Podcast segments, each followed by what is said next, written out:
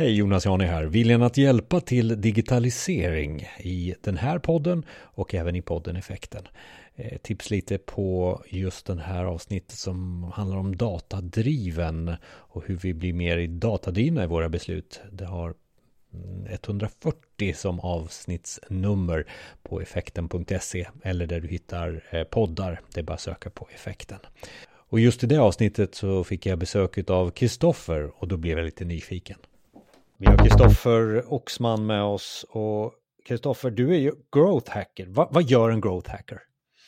Ja, äh, growth hacker har ju funnits, funnits kring sen, ja, egentligen det, det kom väl från äh, Silicon Valley och startups egentligen um, runt 2010 där runt omkring före efter uh, och har väl utvecklats sen det. Jag tror det, det, en growth hacker fokuserar ju alltid på tillväxt egentligen oavsett vilket sätt man jobbar på. Det kan vara med produktutveckling, marknadsföring eller vad som helst och försöker basera sina beslut på data. Eh, sen, eh, sen så har ju olika företag, olika personer olika sätt att, att se på growth hacking. Då. Eh, vi har väl, som vi gärna på vår byrå så har vi väl egentligen utvecklat hela företaget till att bli mer datadrivna så att vi, vi kallar, kallar liksom hela byrån för ett growth marketing company. eh, och det är egentligen att vi alla försöker vara datadrivna oavsett vad vi gör.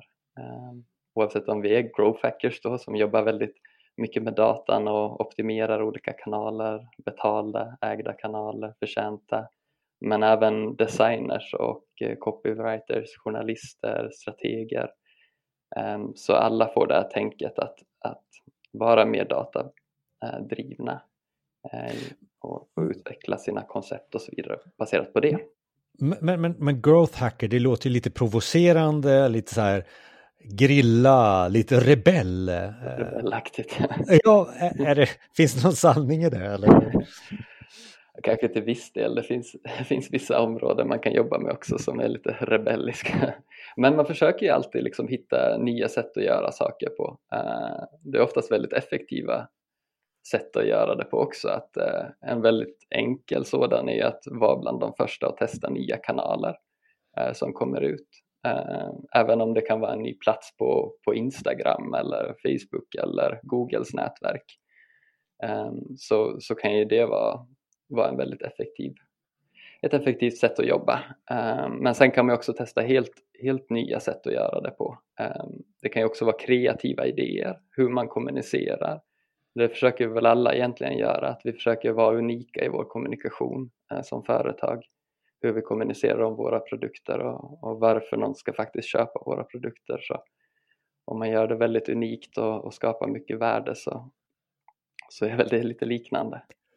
Men det känns också från min sida som har betraktat Growth Hacker ett tag som att det är också, jag vill nog kasta in det här med rebell mm. bara för att man jobbar ju oftast i iterationer och testar väldigt mycket mm. och gör det kanske också snabb, mer snabbfotat.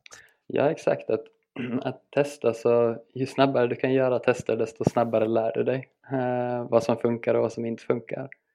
Eh, så det är, det är en hel, ett lite, helt, lite annat, annorlunda sätt att jobba på egentligen mot vad man kanske jobbar långt tillbaka i tiden då med marknadsföring. Att man försöker hela tiden göra tester och um, se vad, vad som kan utveckla företaget mot rätt riktning. Och det är inte bara marknadsföring ska vi väl påstå också. Det kan funka med nästan allt.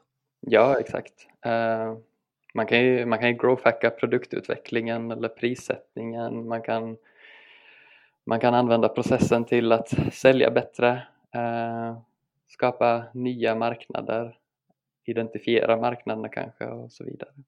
Förändra en hel organisation, kan man det? Förändra människor? Absolut, sättet man tänker på eh, och utveckla företaget så definitivt. Om jag skulle bli growth hacker, vilka skolor ska jag gå? Hur ska jag bli growth hacker? Ah, den är svår.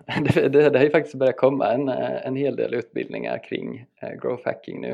Um, eh, bland annat Bergs har och, och, eh, och andra skolor eh, har utbildningar för det. Man kan gå många olika vägar eh, egentligen. Eh, jag kanske har gått mer först en traditionell väg inom marknadsföring men sedan märkt att, att growth hacking är, är väldigt intressant och eh, tänka unikt och, och testa sig fram och så vidare och lärt mig många olika områden själv.